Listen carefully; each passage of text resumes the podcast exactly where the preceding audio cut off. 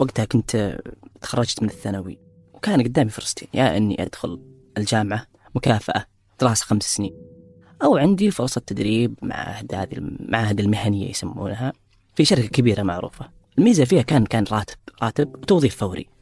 أنا بيني وبينك يعني بفكر بالزواج بجمع فلوس ببدأ حياتي وفعلا دخلت بالمعهد هذا وخلصت.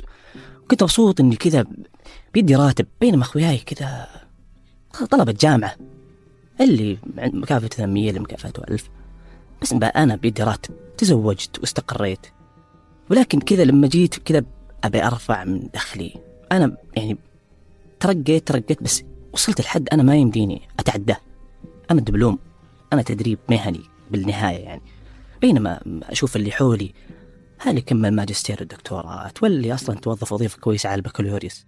صدقيني ما وعيت على نفسي المتأخر بس لو كان إني غيرت الفكرة هذه إني دخلت الجامعة كان كان تغيرت حياتي كلها. وش اللي حصل هنا؟ حصل ما يعرف في العلوم الإدراكية بالانحياز للحاضر. فما طبيعة هذا الانحياز وكيف بدأت هذه الثغرة عند الإنسان القديم. والمهم كيف يقدر الإنسان المعاصر التعامل معها.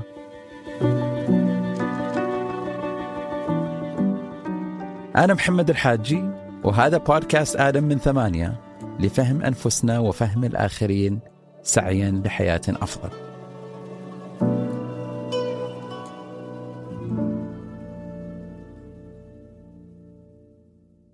تخيل نفسك في البر لحالك وبعيد وما عندك إلا الحد الأدنى من مقومات الحياة.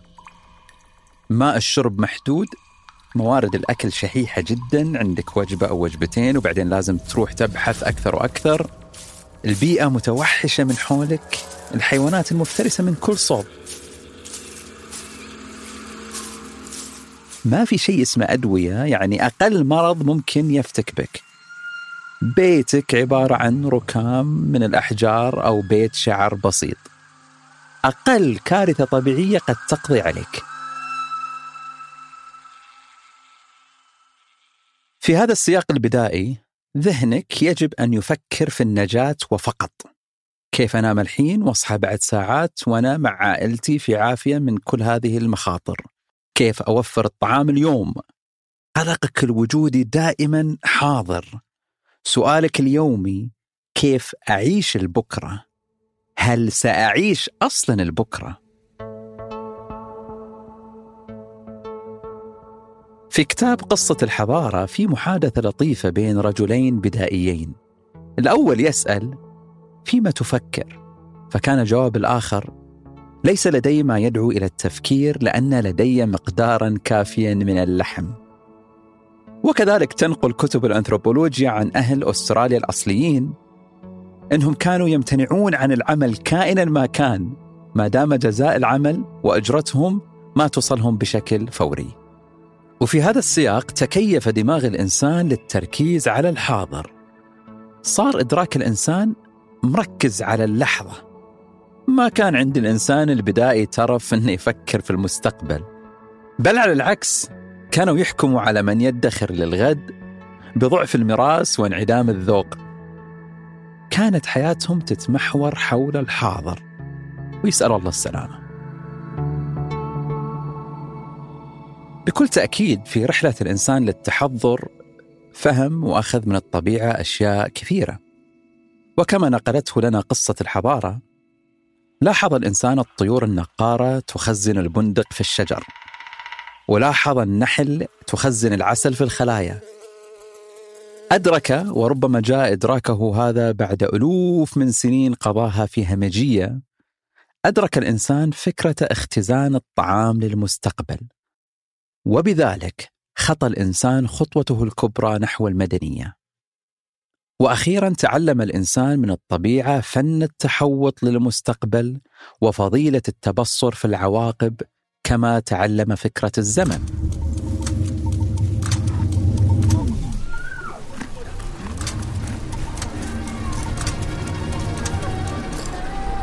قدر يطوع البيئة الصالحة وصار يعيش رغد من العيش لحد معقول طبعا ظلت عندنا مهددات كثيرة ما زلنا أقزام أمامها مثل ما شهدناه وعشناه في جائحة كورونا اللي بعثرت حياتنا وهزت نرجسية الإنسان مجددا ولكن إلى حد ما رفاهية العيش اليوم لا تقارن أبدا بالعصور السحيقة بل لا تقارن حتى بأحوالنا قبل خمسين سنة بس.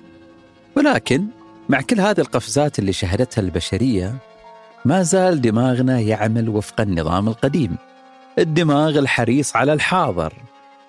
هذه الفجوة بين تركيبة الدماغ وبين ظروف الإنسان الحديث هي أشبه بالفجوة اللي تصير لما تشغل كمبيوتر جديد لكن بنظام Windows 98 مثلا. وهذا ما يعرف في العلوم الاجتماعية بال environmental mismatch أو اللا تجانس البيئي هذا اللا تجانس ما ندري متى يتحسن.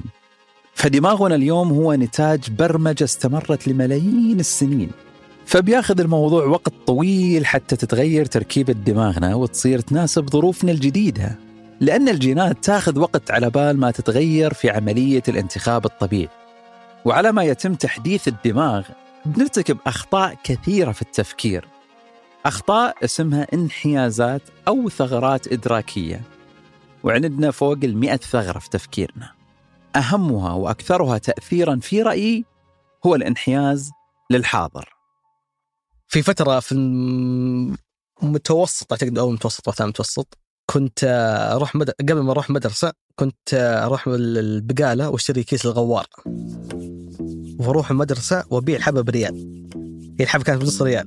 كذا عن نهاية اليوم يكون معاه كم واحد فصل؟ يعني نقول 20 25 طلع 25 ريال يعني وأنا شريت الكيس ب 10 ريال شيء زي كذا ما أدري. إلين يوم واحد من الأيام جاء واحد ناقرني كذا قال لي تراها بنص ريال في البقالة. ذاك اليوم أو اليوم اللي بعده جاء الوكيل. جاء قال مين اللي قاعد يبيع غوار ال- على الطلبة؟ من كل مشر علي. أخذ كيس غواره كله وقال لي آه، هاي لعتي لو عدتها توقع تعهد الدنيا هذه كلها. طالع المدرسة كانت معي 50 ريال. رحت بقالة صرفتها كلها. قلت خلاص إن ما عاد في business ما فكرت إن بيكون في business مستقبلي قلت خلاص أفلها. باختصار شديد الانحياز للحاضر هو نزعة الإنسان للتركيز على الحاضر وتغافل المستقبل. يعني يفضل مكاسب صغيرة الآن ويتخلى عن مكاسب أكبر لكن بتجي في المستقبل. يعني تلاقيه يفضل 500 ريال الآن ولا ألف ريال بعد شهر. نقدر نختصره بالمثل الدارج عصفور في اليد ولا عشرة على الشجرة. أصلا فلسفة الدين كلها تتمحور حول هذا العراك النفسي. كما في قوله تعالى كلا بل تحبون العاجلة وتذرون الآخرة ولأن هذه النزعة شديدة السطوة والاستبداد على أنفسنا أصبح الصبر فضيلة الحكماء وممارسة القلة. أما الإنسان العادي البسيط في حياته اليومية فهو يسقط في مصيدة النشوة العاجلة. حتى بدأت لدينا ظواهر وأوهام غريبة مثل تعلم اللغة في أسبوع ضاعف أرباحك في شهر أخسر وزنك في عشرة أيام. إذا كنت قد امتلكت 100 دولار في يوم من الأيام ولم تحولها إلى مليون دولار فهذه مشكلتك. نعم والله مشكلتك. كلها أوهام تدغدغ أحلام النجاح السريع حسب مبدأ اللذة. Pleasure principle. اللي عبر عنه فرويد. واللي فكرته بشكل عام أن الإنسان مفطور على مطاردة اللذة وأن سلوكه متمركز على هذه الفكرة. كيف أجلب اللذة وكيف أتجنب الألم؟ وهذه هي شخصية الهو اللي يقصدها فرويد شخصية الرغبات والغرائز. الشخصية اللي لابد تسيطر عليها الأنا والأنا العليا حتى تهذب الغرائز والنزوات وحتى نضبط سطوة اللذة. بدون هذه اللذة والمكاسب السريعة تشوف الإنسان ينكفئ ويتعطل ويذبل وهذا خطر كبير محدق بنا لأن النجاحات نادرا ما تأتي عجالة. بل النجاح مرتبط ارتباط وثيق بالاستمرارية والصبر والصملة. مثلا كم شخص تعرفه سجل في النادي لكنه ما استمر؟ كم شخص تعرفه بدأ دايت ولكنه مع ثاني أسبوع سحب على خطته؟ ليش؟ لأن هذه الأمور لا تقدم نتائج سريعة بل تتطلب عمل منتظم وتخطيط وعزيمة. وهذا ضد نزعتنا ورغبتنا العارمة للمكاسب العاجلة. يعني أنا قد حاولت أترك الدخان لمدة شهرين. يعني ما أقول ما استطعت أحس باستطاعتي أترك بس إنه كذا أتساءل إنه ليش أفوت على نفسي هذه اللحظة؟ يعني أنا يعني احس إنه يمديني مستقبلا إنه أوكي أرتب أموري الحياتية والصحية. وابدا يعني آه نمط صحي معين. بس إنه الآن أنا بستمتع. أنا الآن في في في خضم أشغال كثيرة وزحمة وتحتاج تفكير وما إلى ذلك. فوجود السيجاره هنا يواسيني. يعني أنا أول ما أصحى أجلس تقريبا ساعة. سيجاره الصبح هذه يعني ما أدري قديش تعادل يعني بالنسبة لي يعني هي يومي. هي يومي. هي اللي أفتتح يومي فيها. آه، آه، كأنه كذا يومي عبارة عن أبواب مغلقة أدخن تنفتح لي. وأنا ما أدري ليش يعني إنه تقول لي مثلا سرطان مستقبلا آه، أمراض رئة وقلب و و و. أقول لك صح كلامك 100% ما أنكر ذلك وأقول الدخان مفيد وما إلى ذلك ولكن في شعور داخلي إنه بعدين بعدين هذا. يمكن يجينا بكرة بس ما أدري بس إنه بعدين. اللحظة هي المهمة. فالإنسان لا يستطيع أن يحسب حساب المستقبل جيدا.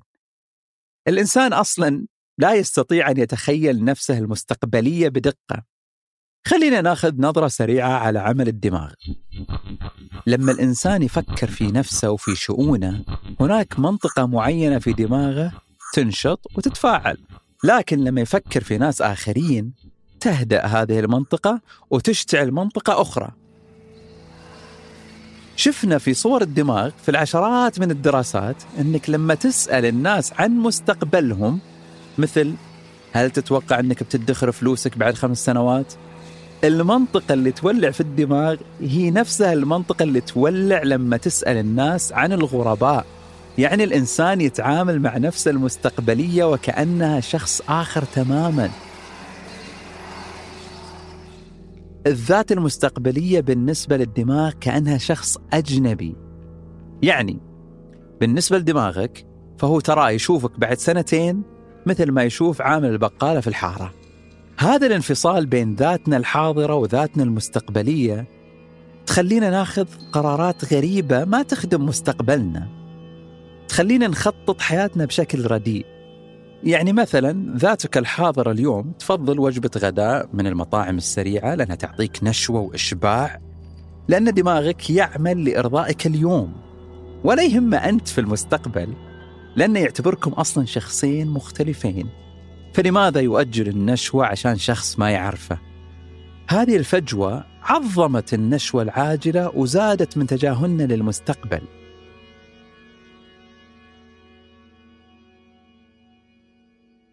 ومن سوء حظ الإنسان الحديث إنه يعيش الآن أعلى مستويات الرفاهية وأشد مستويات الترف على مر التاريخ. هذا يعني إنه يقدر يلبي رغباته العاجلة بشكل مريح جدا. فبدل الانتظار لأسبوع كامل لمشاهدة الحلقة القادمة من كابتن ماجد في صبيحة الخميس مثل ما كنا نسوي سابقا صارت كل الأفلام والمسلسلات على بعد ضغطة زر واحدة. بدل جولات التسوق الشهرية اللي كان ياخذنا فيها الوالد للسوق كل شهر صارت أسواق العالم كلها تحت إمرتنا لتصلنا المشتريات في زمن قياسي. هذه الرفاهية بالتأكيد سهلت حياتنا.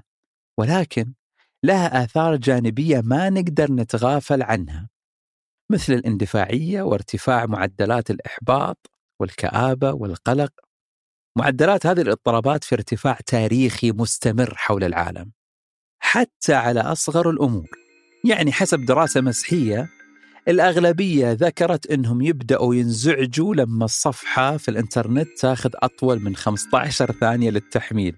ويبدأوا ينزعجوا كذلك لما الإشارة المرورية تطول أكثر من 25 ثانية. بل حتى إحنا نشوف هذه المشاعر على أنفسنا لما تجي إعلانات في يوتيوب. كل ثانيتين انتظار تخلي 6% من المستخدمين يغيرون الصفحة. الناس الآن لا تقرأ إلا أول الأسطر من كل صفحة مثلا.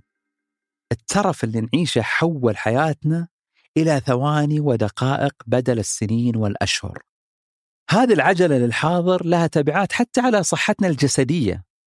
فمثلا نعرف الآن أن المصابين بضغط الدم اللي تكون عندهم رغبة عالية بالمكاسب العاجلة هم أقل الناس التزاما بالأدوية مقابل المرضى الآخرين اللي عندهم شوية تفكير بعيد للمستقبل. المريض اللي عنده تفكير بعيد المدى تلاقيه يحسب التبعات اللي ممكن تصير له لو تجاهل الدواء. بينما المرضى الآخرين تشوفهم يفضلون راحة اليوم على صحتهم في المستقبل. الرغبة للنشوة العاجلة ما تقتصر على أمور دون أمور بل غالبا تتحول إلى ذهنية كاملة تنسحب لكافة القرارات وتلون كامل طريقة تفكيرنا. يعني بدأت كذا أحس بأعراض أمراض أشياء آلام تسوي فحوصات مش عارف إيه زي كذا. فالنتيجة حقت الفحص كانت إنه الدكتور قال لي إنه أنت عندك نقرس آه، يأتي من من اللحوم الحمراء لحوم الجمال لحوم الغنم ال- ال- الخرفان وزي كذا. وعندك كوليسترول عالي آه، فهنا بدأت بدأت خطوة ثانية إني أبدأ أقلل اللحوم. بعدها تدريجيا صرت أسمع كذا شوية بودكاست أتابع ناس في ال social media انستغرام وغيره يوتيوب فبدأت تطلع في بالي حكاية النباتية. إيش النباتية؟ الأكل النباتي. في ثاني يوم رمضان يعني قبل قبل ثلاثة سنوات من الآن قلت okay خليني أجرب شهر كامل اصير نباتي. يعني أنا already قاطع شوط قاطع مشوار خليني كمان أكملها واصير vegetarian اللي هو بس أوقف اللي هو الدجاج والسمك بس. فهنا تقريبا هي هذه ثاني يوم رمضان هنا بدأت. كذا هنا بدأ ال switch هنا بدأت التغير التحويل. أنا الأسبوع الماضي آه، سويت فحص آه، فحص شامل. تمام؟ آه، نتائج الفحص الحمد لله كلها عندي يعني يعني ممتازة.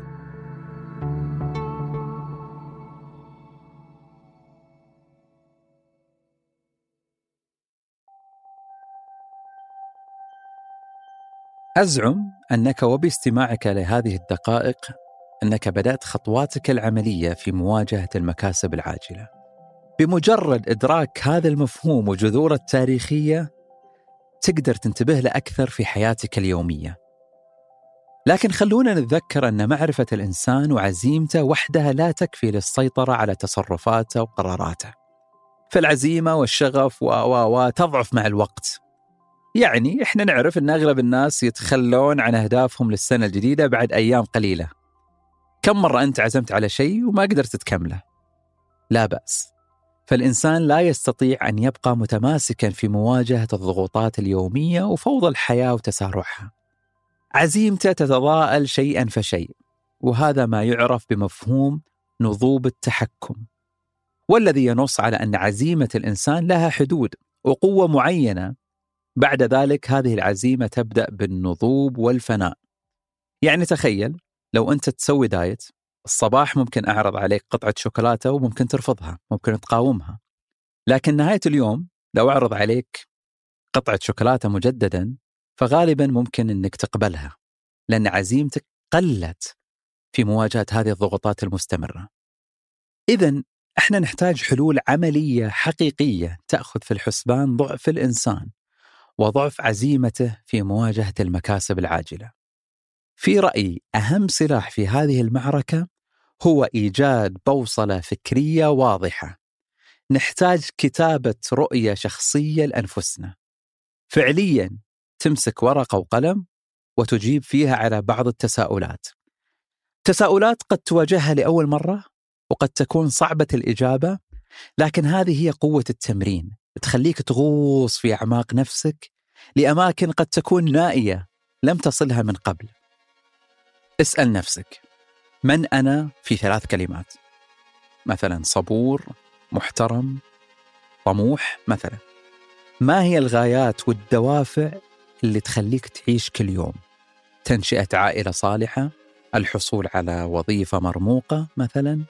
ما هي أعلى ثلاث قيم تؤمن فيها؟ المثابرة، الكرم، الفزعة. ما الخطوط الحمراء في حياتك؟ الأشياء اللي مستحيل تتجاوزها مثل رضا الوالدين. ما شكل المستقبل اللي تعتقد إنه بيحقق لك حياة طيبة؟ تخصص تحبه مثلا؟ ومستوى اقتصادي معين؟ لما تفتح أي موقع لشركة أو مبادرة ناجحة تشوف في أول صفحة. بتشوف الرؤية والرسالة والأهداف. ليش تحرص الشركات والحكومات على كتابة الرؤية؟ الرؤية لها قوة معنوية في ضبط ما يحدث في حياتنا اليومية أو في الأنشطة التشغيلية بلغة إدارة المشاريع. إحنا في حياتنا اليومية نتوه في التفاصيل. ننسى أنفسنا نركض نركض نركض. مثل اللي يركض وسط غابة وما يشوف إلا أشجار كثيرة ومتشابكة ببعض الصورة عنده مشوشة وهنا تأتي قوة الرؤية. هي البوصلة اللي تحكم توجهاتنا. اكتب رؤية لنفسك أو لعائلتك. مثلا هل رؤيتك إنك تكون إنسان صحي؟ هل رؤيتكم كعائلة أنكم عائلة متعلمة؟ وممكن تعتقد أن عنصر الكتابة عنصر عشوائي غير مهم لكن ترى هناك فرق كبير بين جعل الأفكار عائمة في الدماغ وبين كتابتها. فحسب أبحاث علوم الأعصاب الكتابة تساعد فيما يعرف بعملية الترميز وهي الطريقة اللي خزن الدماغ المعلومات في الذاكرة طويلة المدى فأنت عندما تكتب رؤيتك لنفسك أو حتى ملاحظات المحاضرة أو اجتماع العمل مثلا أنت تساعد الدماغ في استيعاب المكتوب ومعالجته وتذكره بشكل أدق مما يساعدك في تطبيق ما هو مدون لاحقا. فحسب تجربة علمية المشاركين اللي دونوا وكتبوا أهدافهم يتفوقون بنسبة 40% في احتمالية تحقيق أهدافهم مقارنة بالمشاركين اللي فقط يتحدثون شفهيا بهذه الأفكار والأهداف. وكما يقول عالم الأنثروبولوجيا السعودي الدكتور سعد الصويان ترتيب الكلمات على الورق وصفها في سطور منضدة لا بد أن تكون له انعكاسات على تنظيم الأفكار التي تعبر عنها هذه الكلمات. كما أنه لابد أن يترك آثارا هائلة على ملكات الإنسان الإدراكية والوجدانية وعلى وسائله في تخزين وتنظيم واسترجاع مستودعاته الذهنية والنفسية. عشان كذا أحرص كل الحرص على كتابة رؤيتك وأفكارك الكبرى. والأفضل لو كانت كتابة يدوية فهي أكثر فاعلية من ناحية الذاكرة والدماغ مقارنة بالكتابة على الأجهزة. تحديد الرؤية وكتابتها تحسن مقاومتك للمكاسب العاجلة. تضبط حياتك اليومية بناء على هذه الرؤية. بتقوى أكثر في مواجهة المشتتات ولحظات الضعف والإغواء. بتساعدك في اتخاذ قراراتك. ومتى تقول إيه؟ ومتى ترفض. وطبعا الرؤية لا تعمل في الفضاء لوحدها. لو تفحص نظريات العلوم السلوكية ستجد عنصر ثابت في كل النظريات تقريبا أن سلوك الإنسان صحيح يعتمد على شخصيته ورؤيته ومعرفته ولكن كذلك على بيئته المحيطة هل هي مشجعة؟ هل هي مساندة؟ مهما بلغ الإنسان من حكمة ومعرفة وثبات وجلال فإنه ما زال يحتاج للحاضنة اللي تفعل فيه السلوكيات المرغوبة والرؤية المنشودة فإذا كانت رؤيتك لنفسك مثلا أنك إنسان ناجح مهنيا أو أكاديميا بالتالي يتوجب عليك أن تحيط نفسك بمن يعينك على الوصول لهذا المبلغ. فالمرء على دين خليله. ممكن تطلع أكثر على تأثير ال roommate roommate effect وستجد الكثير من الدراسات اللي تربط بين الشخص وأصحابه. ستجد مثلا أن سلوك زميلك في غرفة الجامعة مرتبط بمعدلك الدراسي أنت. وهذا بديهي ومفهوم جدا. طبعا أعرف أنها عملية ليست سهلة أنك تختار البيئة والمحيط والأصدقاء ولكن كن واعيا في اختيارك متى ما سنح العالم لك هذه الفرصة. البيئة الموائمة بتحميك من إغراءات الحياة اليومية. تقلل وجود الصراع بين ما تريد أن تكون في المستقبل وبين نشوة الحاضر. يجب أن نبحث دوما عن الاتساق بين الرؤيه والبيئة. مثل ما ذكرنا سابقا انحياز الحاضر ورغبة الإنسان في النشوة العاجلة هي ثغرة إدراكية ثغرة في تركيب الدماغ. شيء قابل للاستغلال أو الاستثمار سلبا أو إيجابا. صحيح أن أغلبنا يقع في شرور هذه الثغرة لكن الحصيف يستطيع توظيف هذه الثغرة لصالحه. كيف؟ الآن وبعد ما فهمنا هوس الدماغ بالمكاسب العاجلة حاول تربط السلوكيات المرغوبة منك أو من أطفالك أو من الآخرين بجوائز وعوائد عاجلة. يعني مثلا لا تعد طفلك بمكافأة 100 ريال في نهاية السنة لو حفظ قصيدة معينة بل أعطيه 20 ريال مع كل عشرة أبيات يحفظهم. تقسيم الأهداف الكبرى إلى معالم صغيرة يحقق النشوة اللي يطمح لها الدماغ. وهكذا. ومن الاستراتيجيات كذلك ربط النشاط اللي دائما تتهرب منه بنشاط آخر تستمتع فيه. مثلا إذا أنت تمل من النادي أو القراءة تقدر تربط هذه الأنشطة بشيء تحبه. تروح النادي مع صديق مثلا تقرأ كتابك في مقهاك المفضل. هذا الربط بين الأشياء سيساعدك في تحقيق النشوة والاستمتاع وفي نفس الوقت على الالتزام أكثر بسلوكياتك المرغوبة. نادرة هي الأشياء العاجلة التي تضيف لحياتنا معنى. فالنجاح يأتي محفوفا بالصبر والاستمرارية والمثابرة والصمود. وأكثر ما يهدد صمودنا ويكسر ثباتنا هو استبداد اللحظة ونشوتها. ولكن وجود رؤية واضحة ومدونة وخلق البيئة المحتضنة لهذه الرؤية. وتقسيم الأهداف لمراحل ومكافآت متفرقة بيساعدنا كثير في مقاومة النشوه العاجلة. دوما وابدا لا تتخلى عن أهدافك الكبرى لإشباع رغبات عابرة.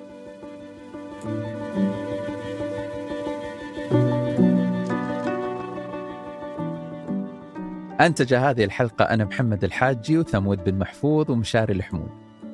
حررها محمود أبو ندى وهندس تسجيلاتها محمد الحسن. وصنع موسيقاها عيسى نجم. وأشرف على إنتاجها سحر سليمان وأسيل باعبد الله. شكرا لمن شاركونا قصصهم. لو بالكم ملاحظات أو حابين تقترحون مواضيع للحلقات القادمة راسلونا على بريد البرنامج آدم at ثمانية dot com